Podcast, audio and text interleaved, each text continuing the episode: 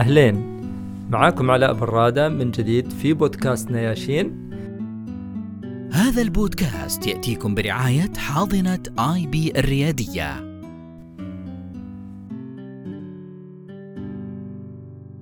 اليوم حابين أننا نتكلم شوية عن موضوع إدارة الأزمات وعلاقته بالعلامة التجارية. خلونا نتخيل مع بعض سيناريو عشان نبدأ في الموضوع. تخيل نفسك أنت رئيس تنفيذي لأحد الشركات. تصحى من النوم على رسالة من أحد نواب الرئيس. هذه الرسالة بتعطيك خبر أنه أحد الموظفين بيتهجم على فئة معينة من الناس في المجتمع.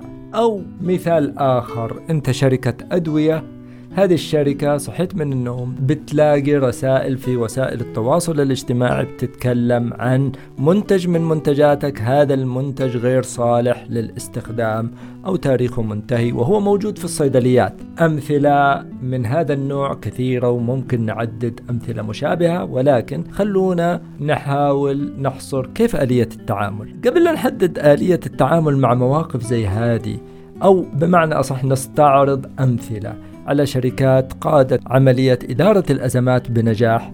خلونا نستعرض الأسباب اللي ممكن تدعو إلى وصول أي موضوع إلى أزمة.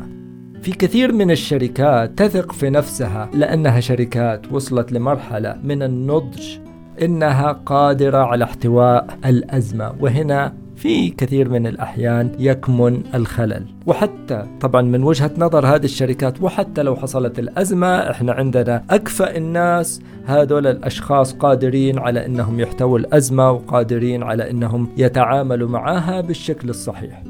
وهنا يكمن الخلل. بالنسبة للشركات اللي تتعامل بشكل صحيح مع الأزمات هذه الشركات بتضع أنظمة تعتمدها لإدارة الأزمة. تضع مؤشرات لما يحدث قبل الأزمة. تضع مؤشرات تنبئها بأنه في أزمة قد تحدث. تضع مراجعة مستمرة للعمليات حتى تتأكد أنها قادرة على متابعة أي عوارض تحدث وتشير إلى حدوث أزمة. طيب في مثالين حابب إني أتكلم عنهم اليوم بالنسبة لإدارة الأزمات. الحقيقة أحد هذول المثالين قديم والآخر حديث. خلونا نبدأ بالمثال القديم وطبعا أنا اخترت هذه المثالين لأني وجدت فيها إدارة للأزمة بأسلوب جميل وأسلوب جيد وقد يكون جزء منه إبداعي. دومينوز بيتزا قبل عشر سنوات تقريبا صار لهم حادث بعض الموظفين أو بالأصح موظف وموظفة نشروا فيديو تهكمي يستعرض في طريقتهم في تعبئة المنتج وبالاستهزاء بطريقة عمل المنتج بحيث إنه يترك أثر سلبي عند المشاهدين بعد نشر الفيديو. يعني نشروا فيديو في وسائل التواصل بطريقة طبخهم لطبق من البيتزا بطريقة مستهجنة ولا يستسيغها إنسان. ونشر هذا الفيديو في وسائل التواصل وسبب مشكلة كبيرة. بعدها بفترة قصيرة الرئيس التنفيذي في الولايات المتحدة لدومينوز بيتزا أمريكا طلع على وسائل التواصل أعطى تصريح. التصريح كان شامل للموضوع من جميع النواحي. طبعا أول ما بدأ في تصريحه أنه إحنا وصلنا الأمر هذا من عملائنا عملائنا اللي إحنا نقدرهم كثير ونسعى إلى إرضائهم ثم استعرض الحادثة. نعم وصلتنا الحادثة ونعترف بها. بعد كده إيش الإجراءات اللي بيتخذها؟ طبعا فصل هذول الموظفين اللي أساءوا إلى سمعة العلامة التجارية وإلى سمعتنا جميعا وسمعة العملاء. بعد كذا أشار إلى نقطة مهمة أيضا. وهي نقطة مراجعة إجراءات التوظيف المستقبلية بحيث أننا لا نقع في هذا الخلل مستقبلا. ونتأكد أننا في المستقبل بنوظف الأشخاص المؤهلين للوظائف. الرجل حاول أنه يستعرض الموضوع من جميع النواحي. من ناحية إيش الإجراء اللي يتخذ؟ من ناحية تقدير العملاء ومن ناحية الإجراءات المستقبلية اللي بيتم مراجعتها والتأكد من سلامتها. هذا المثال صحيح أن الشركة اتحطت في موقف سيء ولكن التعامل بهذه الطريقة أكيد أنه أعطى انطباع إيجابي لدى العملاء.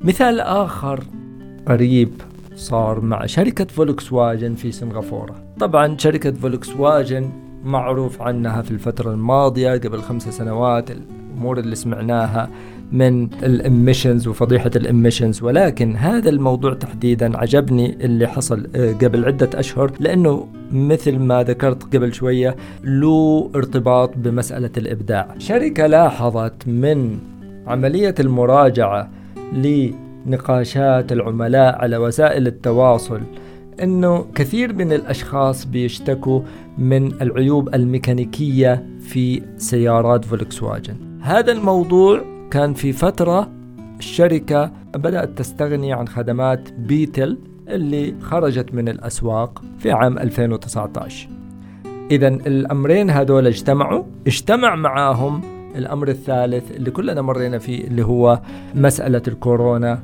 والحجر اللي مر بها العالم ككل. فبالتالي حاولت الشركة إنها تتعامل مع الحدث بعد ما انتهت أزمة كورونا بفترة بسيطة. ففكروا كيف يخرجوا للعملاء بطريقة إيجابية. واكتشفوا عدة أمور مهمة جدا. الأمر الأول هو أنه إحنا كشركة نبغى نتعامل مع الجانب الإنساني. وجانب الأمور اللي عاشها كل شخص في فترة الحظر وفترة الكورونا. وأكثر شيء كانوا يتعاملوا مع الناس هو الأمور الفنية أو أمور الطبخ في البيوت والأمور اللي فيها تواصل. فحاولت الشركة إنها تفكر كيف نتواصل مع الناس بحيث إننا نكون قريبين من هؤلاء الأشخاص ونبرز لهم إنه إحنا نهتم فيكم. إذا كنتم أنتم تروا إنه إحنا في عيوب في سيارتنا ميكانيكية. يمكن لأنه الفرع مغلق الفروع مغلقة في هذه الفترة لكن إحنا نسعى إلى إرضائكم بالتأكيد. طبعا اختاروا توقيت جيد للحملة بعد ما بدأت تفتح الأسواق بعد ما الفرع بدأ يعمل من جديد. اختاروا بعض المؤثرين في سنغافورة مؤثرين فنانين مؤثرين بعضهم في الطبخ. اختاروا أنواع محددة من السيارات والمركبات مناسبة لهذه العملية. هذه المركبات اختاروها بتصميم معين بحيث إنه يهيئ الشخص اللي يشوفها إنه هذه المركبة في ظاهرة واضح إن لها ارتباط بالعوامل الفنية أو عوامل أخرى. طبعا بعد ذلك اختاروا الفنانين اللي يعطوهم هذه المركبات لفترة محددة أسبوعين ثلاث أسابيع. مطلوب من الفنان أنه كل شؤون حياته يسيرها بهذه المركبة وبالتالي زياراته للفنانين الآخرين ذهابه للعمل حديثه عن هذه المركبة لمدة شهر كامل بدأ يؤتي ثماره. بدأ يبين أن الشركة فعلا ساهمت بشكل كبير في الأمور الإبداعية وساهمت في الأمور الفنية. الأمر الآخر كان مسألة عدم توفر المنتجات في السوبر ماركت ففكرت الشركة إنها تساهم بنوع معين من سياراتها كبيرة الحجم وشراكة من أحد الجهات المعنية بالاستدامة ولفترة شهر قامت بتوصيل الطلبات لكثير من العملاء بالمجان عن طريق هذه السيارة اللي صممت بطريقة خاصة. كل شخص يشوفها في الطريق كان يعرف إنه هذه المركبة مهيئة لهذا العمل. في النهاية بعد انتهاء الحملة بعد الشهر وبعد ما الناس يعني أصبح هناك تفاعل في وسائل التواصل وخلقت أجواء قصصية جميلة آه، تحدث عنها الناس جاءت المرحلة الأخيرة. كانت المرحلة الأخيرة مطلوب فيها أنه التعاون مع المرور لأنهم يوجهوا الناس إلى موقع الشركة اللي تم افتتاحه من جديد وافتتح بترحيب كبير بالعملاء في دليل على إننا نرحب فيكم. الأعطال الميكانيكية اللي أنتم تتحدثوا عنها هذه إحنا نسعى إلى حلها بأفضل الطرق. اذا إدارة الأزمات فن كونها علم هذا لا يعني أيضا إنها معزولة عن الفنون. ولكن لابد إننا نعرف إن اهم الخطوات في إدارة الأزمة هي وضع الأسس والمعايير السليمة للتعرف على الأزمة، المؤشرات اللي تدل على إنه ممكن تقع أزمة قريبا وكيفية وآليات ودليل التعامل مع هذه الأزمة.